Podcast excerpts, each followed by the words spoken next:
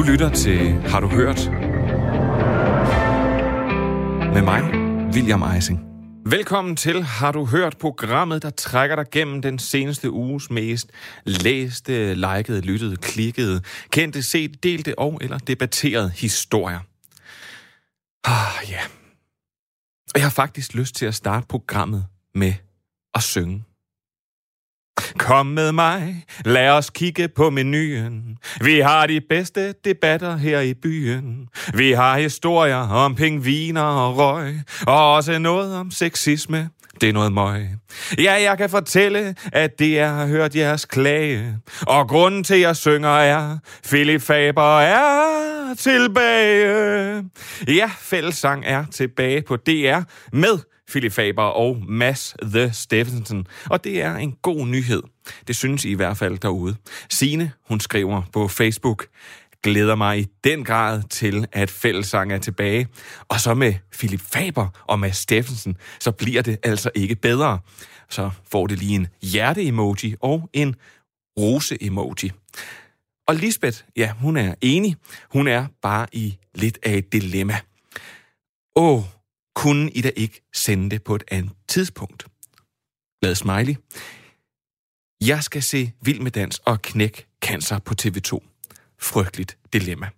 Og jeg tænkte da, at vi skulle starte med den her nyhed, nu hvor vores lillebror medie Danmarks Radio endelig har lidt vind i sejlene med noget, der ikke rimer på bagedysten. Og det er da også en god nyhed i disse tider, hvor corona og magtfulde mænd haver. Og med det, ja, så velkommen til Har du hørt? Det her er Radio 4, og du lytter til Har du hørt? Programmet, der dykker ned i ugens mest klikkede, likede og delte historier. I den her uge, har du hørt, der skal vi tale om en rigtig gammel pingvin, og om nogle tegninger, der for mange år siden af forvoldte en masse problemer. Så kommer vi ej heller uden om uh, Krænk Jensen og alle de andre glade numseklappere i denne uge i sexismen. Og så har vi også en historie om noget røg i hjemmet. Og ved du hvad, så er faktisk nær glemt. Vi har også en anden historie på menuen, som vi har døbt et par timer i friheden. Men vi starter den her uge på en historie, der virkelig har skabt debat på de sociale medier. Nu siger jeg debat. Lad mig sige det på en anden måde. Den her historie har bragt folkets urin til et sted lige omkring kogepunktet. For må man ryge i arbejdstiden, når man arbejder hjemme? Nej, i hvert fald ikke, hvis du er ansat i Gentofte Kommune. De har netop besluttet, at medarbejderne ikke må ryge på hjemmearbejdspladsen. Nu får I lige et par selekterede kommentarer som indspark i debatten fra Facebook. Karina, hun skriver, Altså, hvad sker der i det her samfund? Aldrig om nogen skal bestemme, hvad man må gå, øh, hvad, eller hvad man må og hvad man ikke må på ens egen matrikel. Føj. Og Janni, ja, hun stemmer i og siger, med mindre at de betaler min husleje, så har de intet at skulle sige om, hvad jeg gør i mit hjem. Og jeg vil egentlig gerne starte med at spørge jer derude, der sidder med mobiltelefonerne klar. Hvad synes I om, at de ansatte i Gentofte Kommune ikke længere må ryge i deres eget hjem, når de arbejder hjemmefra? Skriv din mening til 1424. Du starter sms'en med et R4 og et mellemrum, og så din besked. Og så vil jeg egentlig sige øh, velkommen til dig, Claus Kellerup. Du er storryger, rygeaktivist, musiker, og du har blandt andet øh, været med til at stifte frihedsbandet Den Gule Negl sammen med Kim Larsen, Thomas Helmi og Johnny Madsen i 2007. Dag. Dag, ja. Øh. ja, ja. Jeg vil lige sige, at jeg er altså ikke stor ryger. Ikke længere. Men er skidt nu med det. Det er jo sagen, det drejer sig om. Er du, du, når må jeg lige spørge, hvor mange, hvor mange smøger ryger du der om dagen? Tre. Du ryger simpelthen kun tre? Ja. Hvad er der sket? Jeg havde bare lyst til at prøve, om jeg kunne skære ned, og det kunne jeg. Nå, men prøv at høre... Det kan lade sig gøre for den, der har en jernvilje, ikke? prøv at høre... Og det har vi i vores familie. øh, Claus Borg, du bor i Gentofte Kommune, øh, ja, hvor øh, rygeforbuddet det starter her på, for kommunens ansatte den 1. januar. Øh, det, det er fuldstændig absurd, øh, vanvittig, vanvittig øh, øh, udvikling, det har taget hele det her forfølgelse af ryger. Ikke? Ja, så på den og måde, så kan jeg forstå, at du er ikke glad. Du, lad mig lige forstå, du er i hvert fald ikke glad for, at du... Øh, altså, du... det rager jo ikke mig, fordi jeg er jo ikke ansat i det offentlige. Jeg kunne aldrig finde på at blive ansat i det offentlige. Men altså, jeg, jeg, jeg vil sige, at øh, det, er jo, det er jo virkelig hæsligt for de mennesker. De, de bliver forfulgt. Ryger bliver forfulgt. Men, men, men... Det, det, det gør de jo. Altså, det er sådan, at nu har jeg fulgt det her ganske nøje lige siden rygeloven. Og der er tale om forfølgelse. Ligesom man forfølgede etniske mindretal i andre lande. Oh, prøv at høre, Claus, Claus, Claus, Claus. Nu prøv nu, nu siger, prøv at det her, det er jo den Jamen, samme... Det, nej, nej, nej, nej, prøv at det er den samme... Det, Claus, prøv at det her, det er den samme gamle sang hver gang. Oh, rygerne føler sig forfulgt og sådan noget, men prøv at høre Jamen, her. det er du, nej, er ja, men prøv at Claus, rygning, rygning det kan ja, dræbe. Nu hold nu op med det der. Ryger er for fuldt, punktum. Ja, okay, men så lad os... Det, og så skal ikke sige, at de føler sig for fuldt. Nej, men okay, så er ryger er for fuldt. Jeg, jeg ved du hvad, jeg går med Næste dertil. Spørgsmål. Ja, prøv at høre, så vil jeg sige, rygning det kan dræbe. Det er pisse usundt. Det koster statskassen en masse penge, øh, sygehusregninger. Og så alligevel, så siger du, at øh, de skal ikke... Øh, altså, du synes ikke godt om, at, om Gentofte Kommunes nye tiltag. Rygning koster ikke øh, staten eller samfundet penge. Ryger er en, en kanon forretning for samfundet. Det er jo derfor, det ikke er blevet forbudt for længst. Bare ikke, når de bliver indlagt, vel? Bare altså, ikke, når, bare ikke, når de bliver syge? Nej, nu skal du høre. Det er sådan, at det der er undersøgt, øh, lavet beregninger af i hele verden, og det viser sig, at ryger gennemsnitligt, de betaler mere til samfundskagen, end ikke ryger gør. En, en, en ryger betaler gennemsnitligt en million mere og det er beregninger, der er vist over hele verden. Ja, men, altså, det er jo klart, at hvis rygning virkelig kostede mere, så vil man jo med den forfølgelse, der har været, jo bare have stoppet det for længst. Men sådan er det jo ikke. Sådan er det ikke. Staten tjener kassen på tobaksafgiften. Ikke? Ja, men Claus, nu er du også ude i noget, der kører. Det er jo sådan, der koster. Snak, prøv lige at høre, jeg har undersøgt, og jeg har alt tallet. Du kan gå ind på min side, den gule negl, blog, og, og finde alle oplysningerne om det der. Men Claus... Men lad os nu komme ind til det her med den her øh, Gentofte Kommune. Ja. Se, ikke? Det er jo det, du gerne vil snakke om, ikke? Ja, det, så vil jeg gerne spørge, hvorfor synes du ikke, det er et godt tiltag? hvorfor synes alle andre heller ikke, det er et godt tiltag? Hvorfor tror du? Det er et forfærdeligt tiltag. Folk, de synes, det offentlige skal ikke blande sig i, at folk foretager sig i deres hjem. Jamen, prøv, prøv at høre. Det er da ikke grine af, det skal det sgu da ikke. Nej, det... det er... Synes du, det offentlige skal bestemme, hvad, det, hvad du må foretage dig i dit hjem? Altså, ja. for eksempel, hvornår du må gå på toilettet og sådan noget. Hvornår du må drikke øl. Hvornår du må det ene eller andet, det er frygteligt. Prøv at høre her. Jeg, jeg, vil, jeg vil sige, at jeg, jeg, jeg kan jo til dels godt følge dig, men jeg må også sige, der er jo også en anden del. Nej, det kan godt følge mig 100 procent.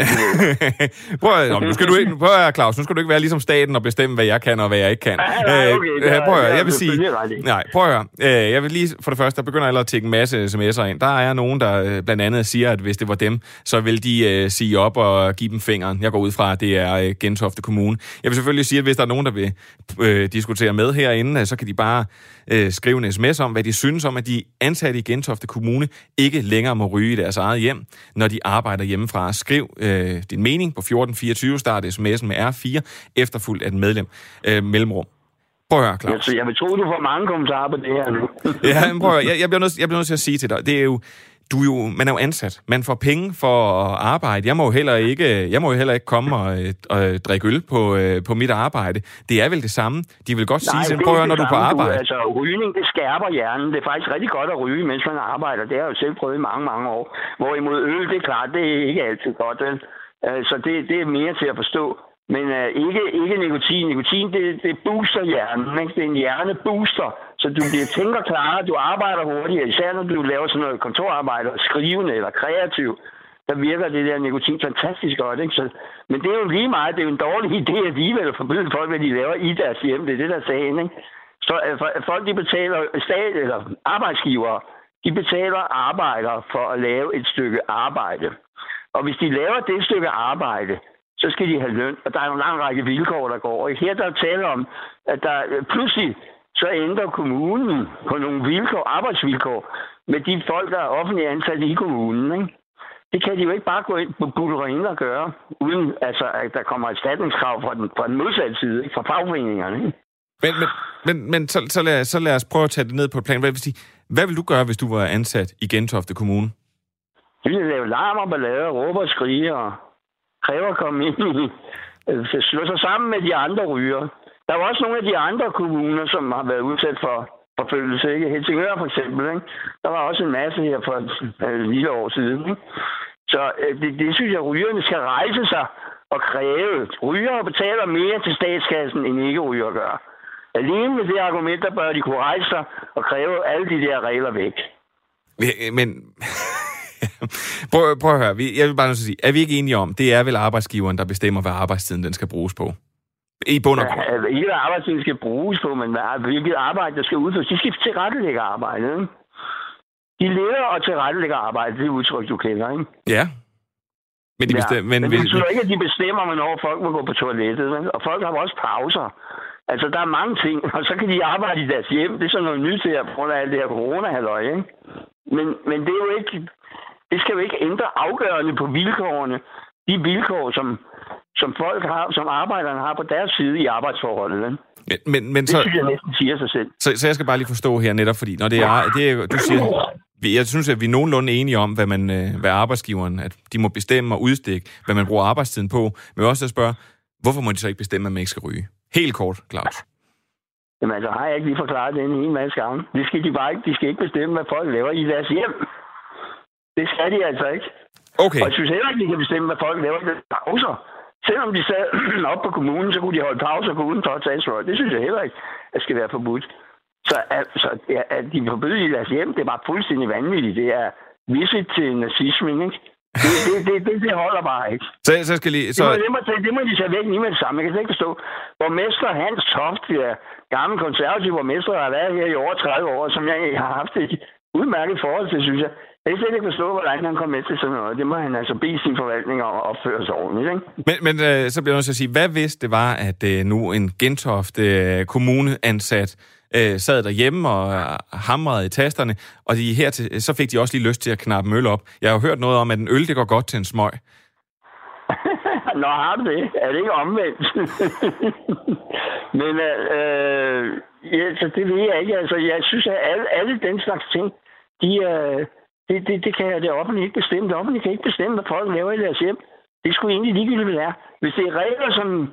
Du ved, med mindre selvfølgelig, at det er regler, som også gælder uden for hjemmet. Ikke? Altså for eksempel, de må ikke skyde andre mennesker, vel?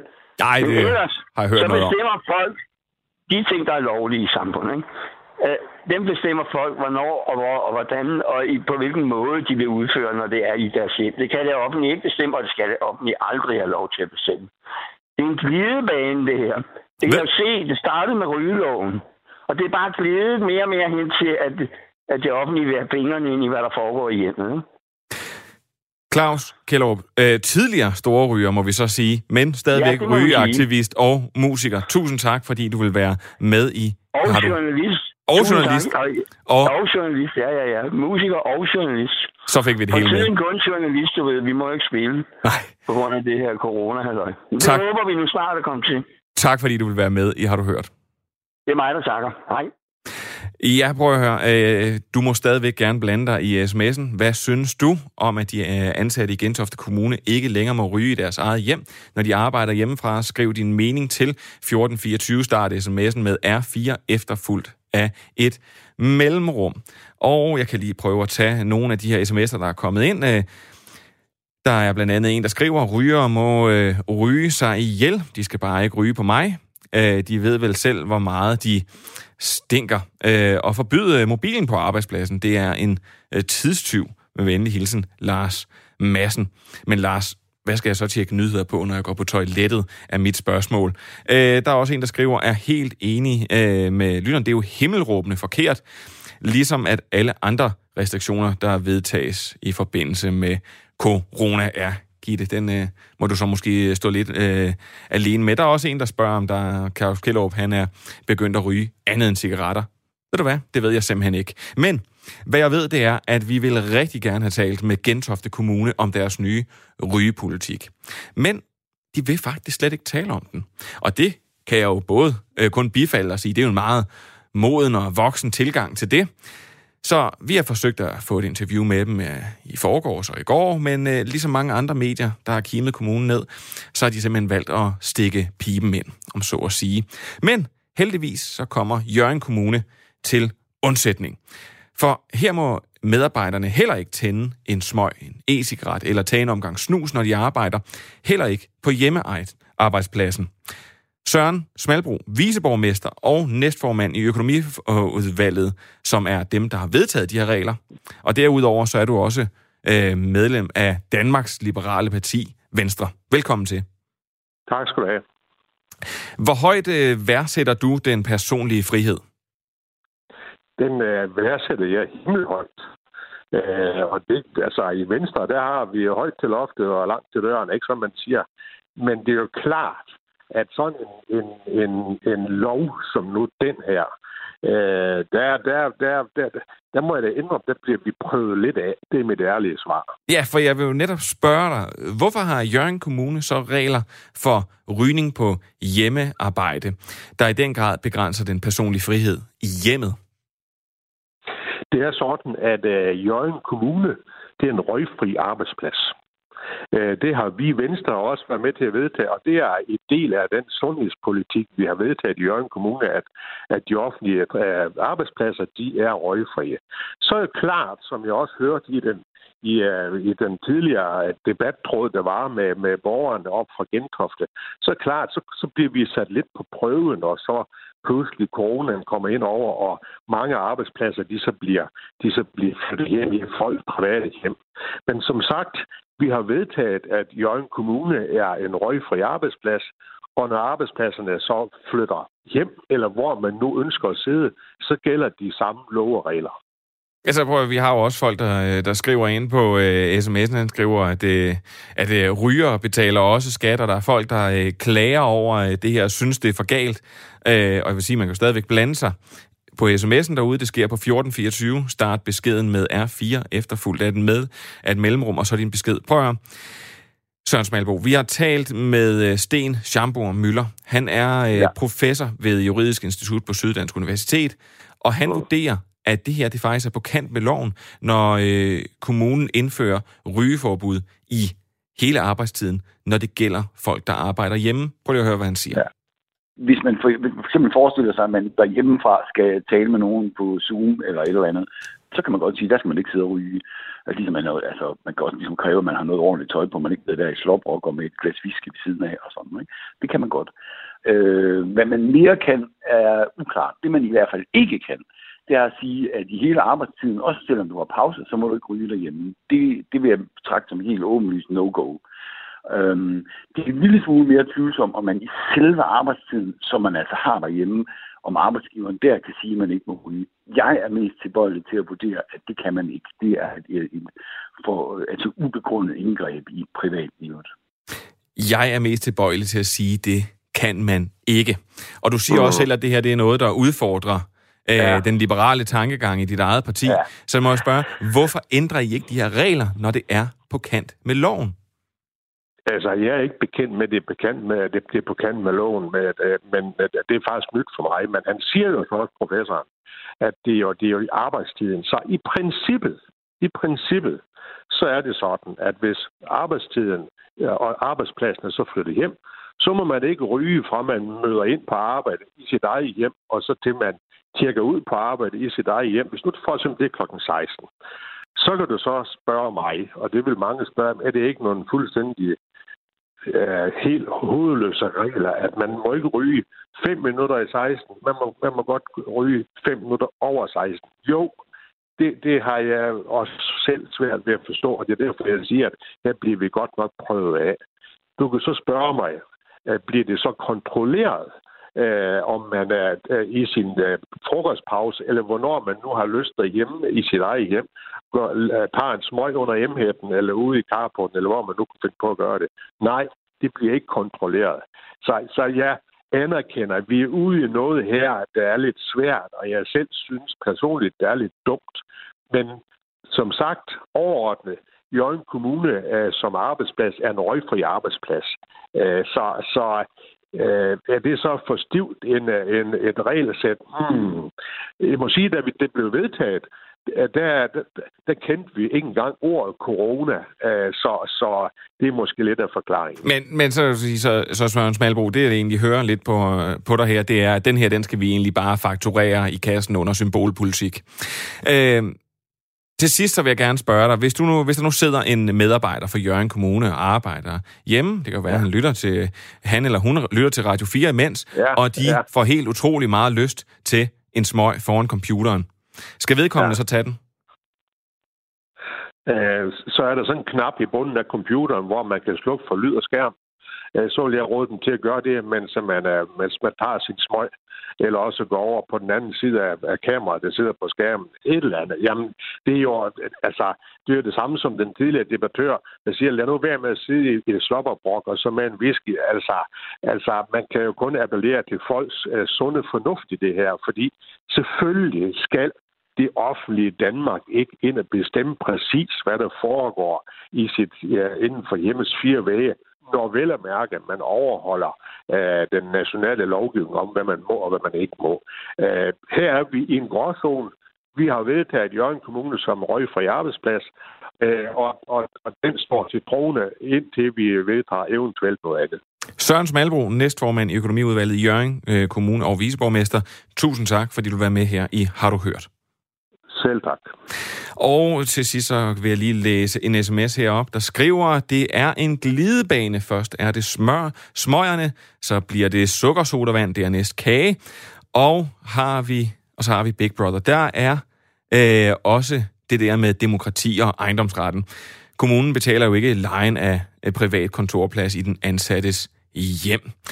Venlig hilsen, Jan fra Rigskov. Det her er Radio 4, og du lytter til Har du hørt? Programmet, der dykker ned i ugens mest klikkede, likede og delte historier.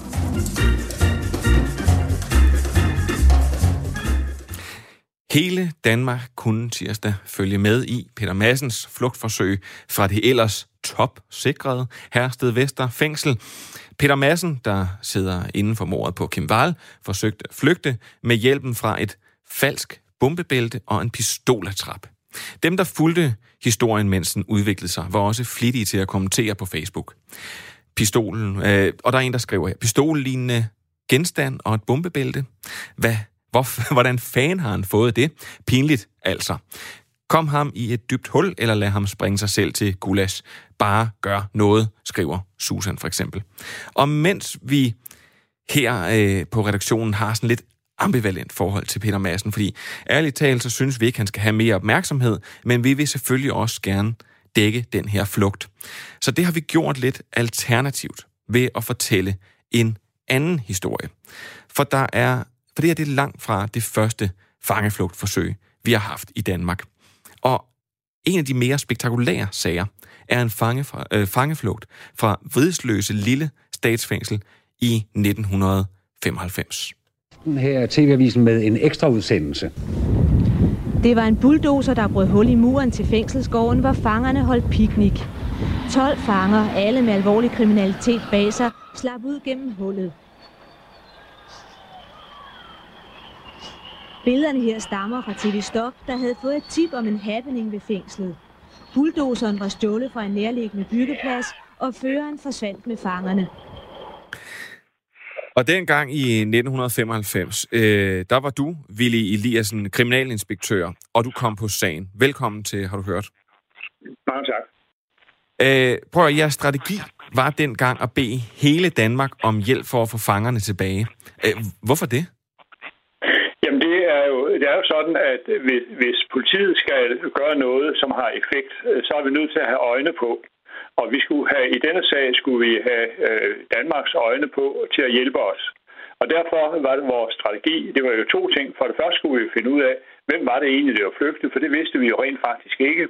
Og øh, det, øh, det andet punkt var, hvor farlige var de mennesker egentlig, øh, der flygtede, sådan at vi havde noget at arbejde med. Og det tredje punkt var, hvordan fik man dem så ind igen? Og her var, øh, var det jo kun én ting at gøre. Det var simpelthen at, at, at henvende sig til offentligheden og, og bede om hjælp her. Ja, og, og hvis vi lige egentlig skal have på plads, så var der jo øh, den her øh, Øh, gummigedsen, bulldozer, der er smadret igennem ringmuren ind til fængslet. Den varede 26 tons, så den var blevet stjålet øh, om eftermiddagen fra en grusgrav. Og så var der en grillfest inde i gården bag den her 6 meter høje mur, hvor en 20-30 fanger og en 3-4 betjente, de var samlet. Og så var det lidt over fem, at de slap løs her den 27. august 1995. Og senere på øh, dagen var så godt nok allerede tre af dem fanget. Men du har lovet at fortælle os om øh, nogle af de ting, der måske gik mindre godt ved den her efterforskning. Blandt andet så fik I vist et tip om, at en af fangerne kunne være i sommerhus. Jamen, det var heldigvis sådan, at de fleste ting gik godt, men det er selvfølgelig under en sådan øh, omfattende efterforskning, som foregik over hele landet. Der sker det selvfølgelig det, at, at der er også nogle ting, som ikke går så godt.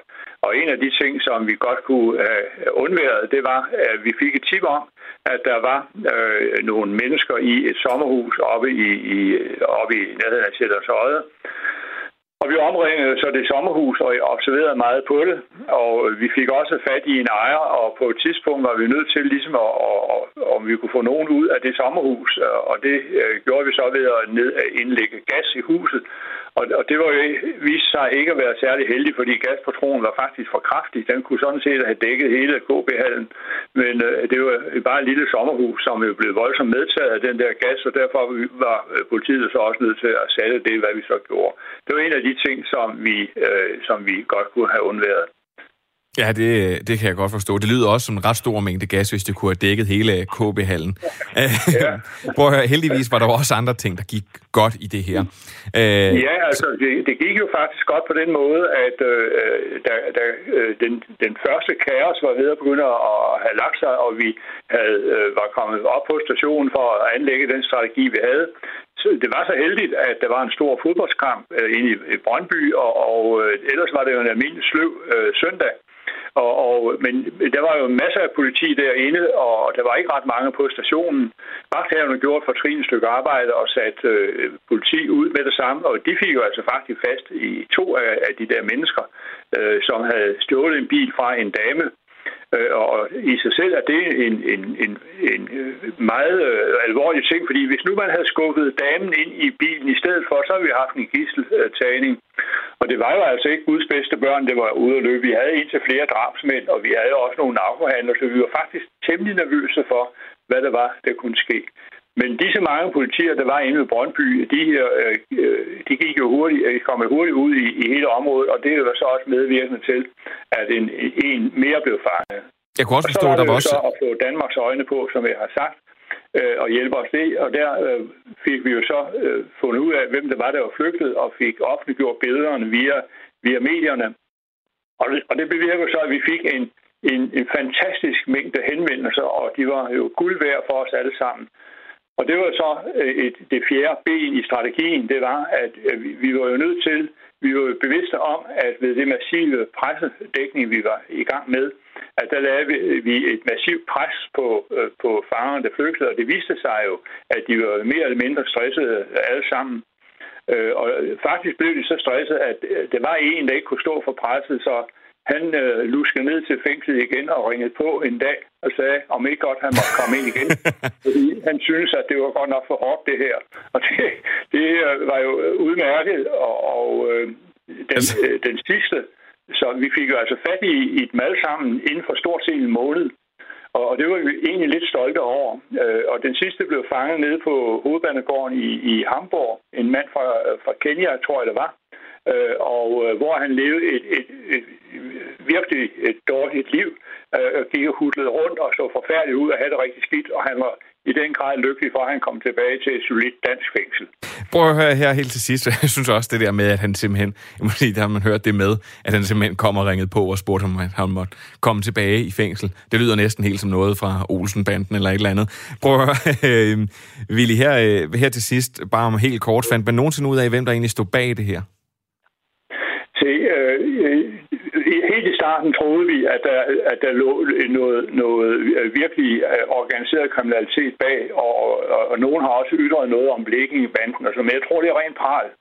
Jeg tror simpelthen, øh, at vi, har, vi kan ikke sætte fuldstændig ord på, at sådan har det været, men, men troen er, at det er simpelthen nogle fanger, som øh, har været siddet sammen i, i fængslet og fundet ud af, at de kunne da gøre en eller anden ting. Fordi jeg ved nemlig, øh, at øh, det, det, første, øh, det første, de ville bruge, var en lastbil. Man fandt ud af, at den slet ikke var solid nok.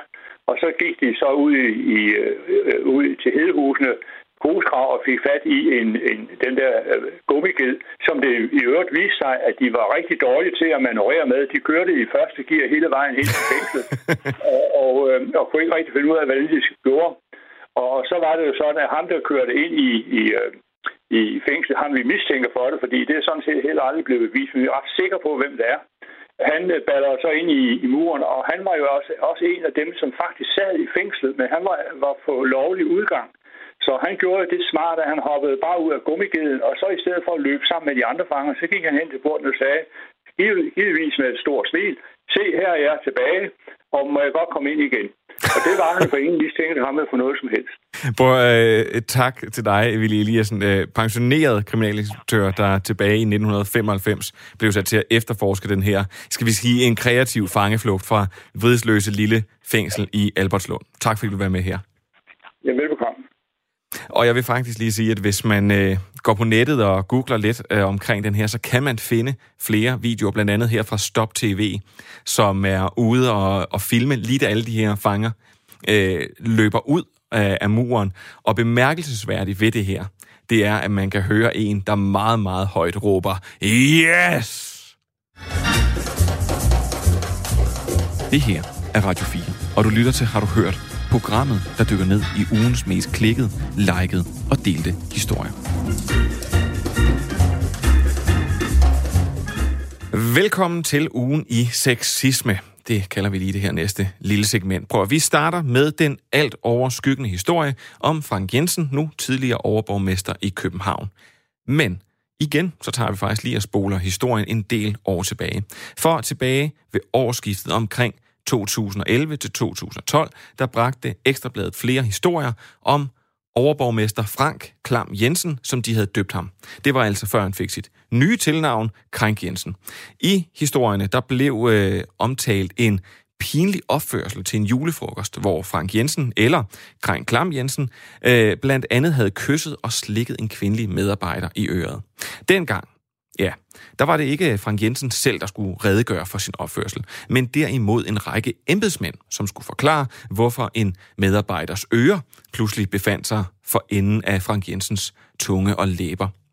Venstres daværende politiske leder i København, kultur- og fritidsborgmester Pia Allerslev, sagde dengang til politikken. Det havde været passende, hvis Frank Jensen selv var kommet med en forklaring på sin uacceptable opførsel, men Vigtigst er det at få belyst, om, dem, øh, om der er taget hånd om de pågældende medarbejdere. Det, man skal huske her, det er, at det var en anden tid, hvor kvinder let kunne komme i problemer, øh, hvis hendes lov lige pludselig befandt sig under hånden på en magtfuld mand, eller hvis, som i den her sag med Frank Jensen, en kvindes øre var for enden af Frank Jensens tunge. Og det er jo ikke nogen skyld.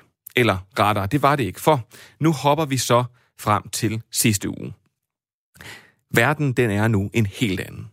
Nu er det lige pludselig de magtfulde mænd, der kommer i uføre, når de uden lov bare rager på tilfældige kvinder, forsøger at kysse dem, eller lige forsøger at snige en finger ind hist og her.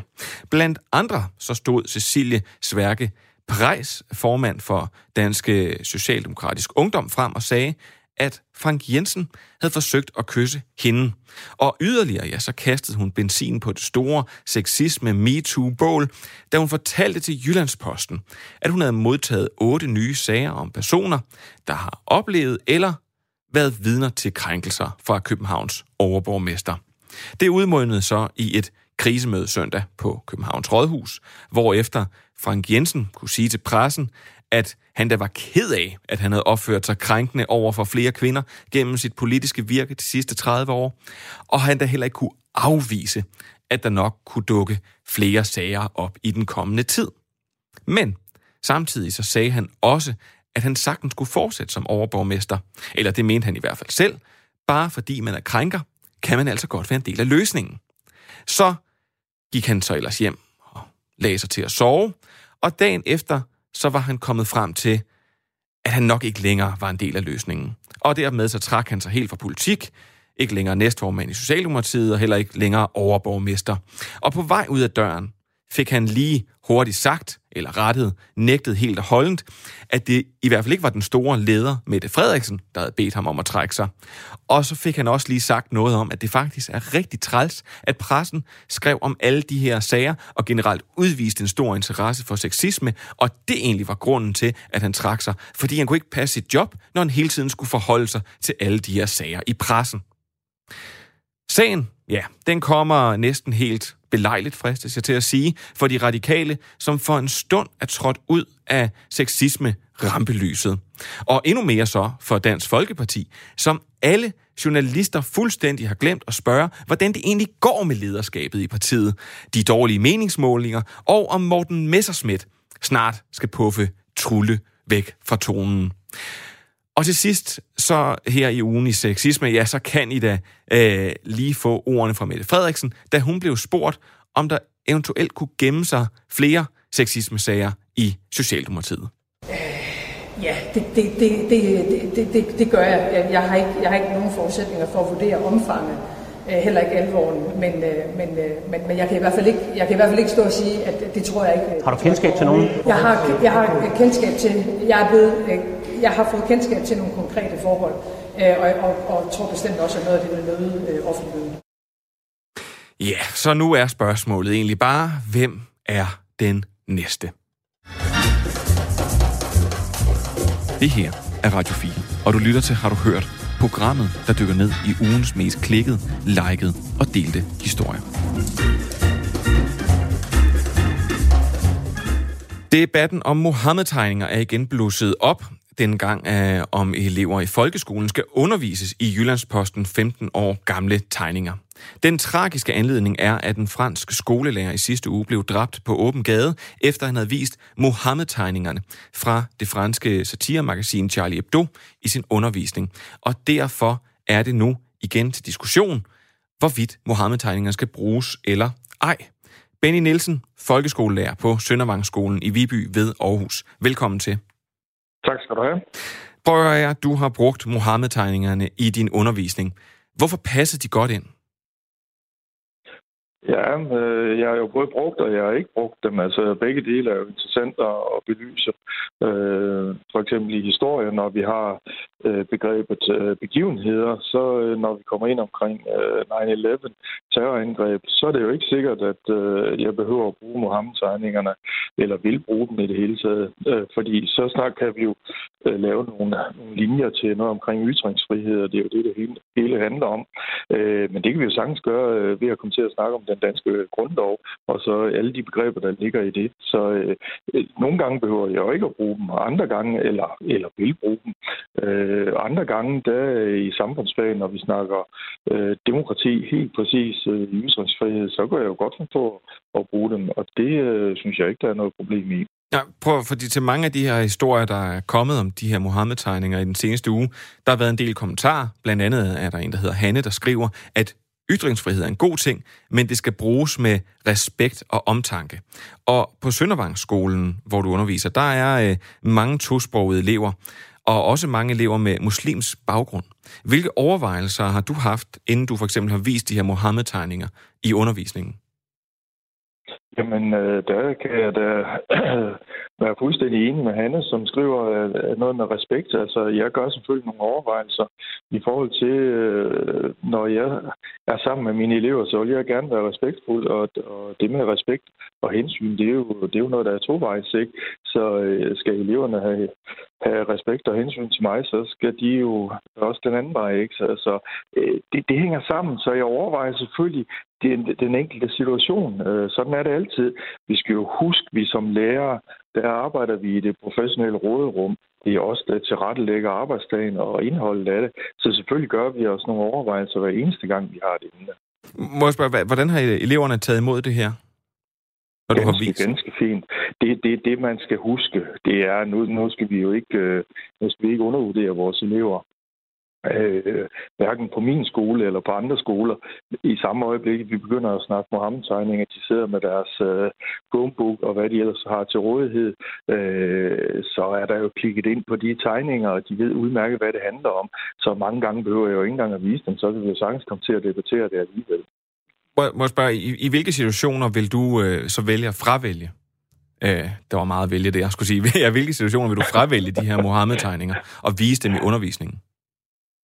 Øh, Jamen, men eksempelvis, når, når jeg har historie, så, øh, og vi, vi kommer ind omkring øh, 9-11, så, så er det jo ikke sikkert, at øh, i det her tilfælde, at det, det var lige jeg hentede frem fra, fra, øh, fra min årsplan for et par år siden, øh, der gjorde jeg det ikke, fordi øh, jeg synes ikke, det var, det, var, det var ikke specielt relevant at komme ind på. Altså, jeg, jeg laver en vurdering, om det er relevant, eller det ikke er relevant, plus jeg laver en en vurdering i forhold til, jamen altså, når jeg sidder med, med 22 forskellige kulturer, øh, det har vi på skolen, det har vi selvfølgelig ikke i de enkelte klasser, men så er det klart, at så laver jeg nogle overvejelser på, jamen er der nogle hensyn, jeg skal tage? Er det nu fornuftigt? Jeg er ikke opdraget til uh, mine forældre til at provokere andre mennesker, så det har jeg slet ikke lyst til. Øh, så jeg tænker mig gevaldigt om, hver eneste gang, jeg laver noget materiale til eleverne. Prøv at, Benny Nielsen, helt kort her til slut, så vil jeg øh, sige, at øh, Dansk Folkeparti og Venstre, de har været ude at sige, at Mohammed-tegningerne ligefrem skal være obligatoriske. Øhm, synes, du, synes du, det er den rigtige måde at gå, eller er det vigtigere for dig at have valget som, øh, som lærer? Det er jo dig, der skal stå ude foran eleverne. Ej, der vil jeg sige det på en måde, at det, det tager jeg med et vist græns salt, altså øh, det tager jeg relativt afslappet. Så vil de jo gøre op med, med flere hundrede års øh, skolehistorie i Danmark, hvis det er sådan, at, at politikerne skal til at bestemme, hvad vi skal undervise i. Altså, hvis de vil politisere folkeskolen, så, øh, så er de velkommen til det. Men altså, det, det øh, tager jeg relativt afslaget. De har mig bekendt ikke øh, flertallet i Folketinget til det. Hvis de vil, hvis de vil politisere, jamen, så lad dem da hænge øh, Mohammed-tegningerne op på vandretrappen over på Christiansborg, og det er de der velkommen til. Men altså, jeg synes ikke, det er nogen særlig god idé. Så øh, ej, det, det, det, det, det er simpelthen noget, noget, noget øregas, hvis jeg må sige det på den måde. Benny Nielsen, øh, Tusind tak for et rigtig stærkt indpuk. Du er øh, folkeskolelærer på Søndervangsskolen i Viby i Aarhus, og tak fordi du vil være med. Selv tak. Det her er Radio 4, og du lytter til Har du hørt? Programmet, der dykker ned i ugens mest klikket, liket og delte historier. Så får I lige den her.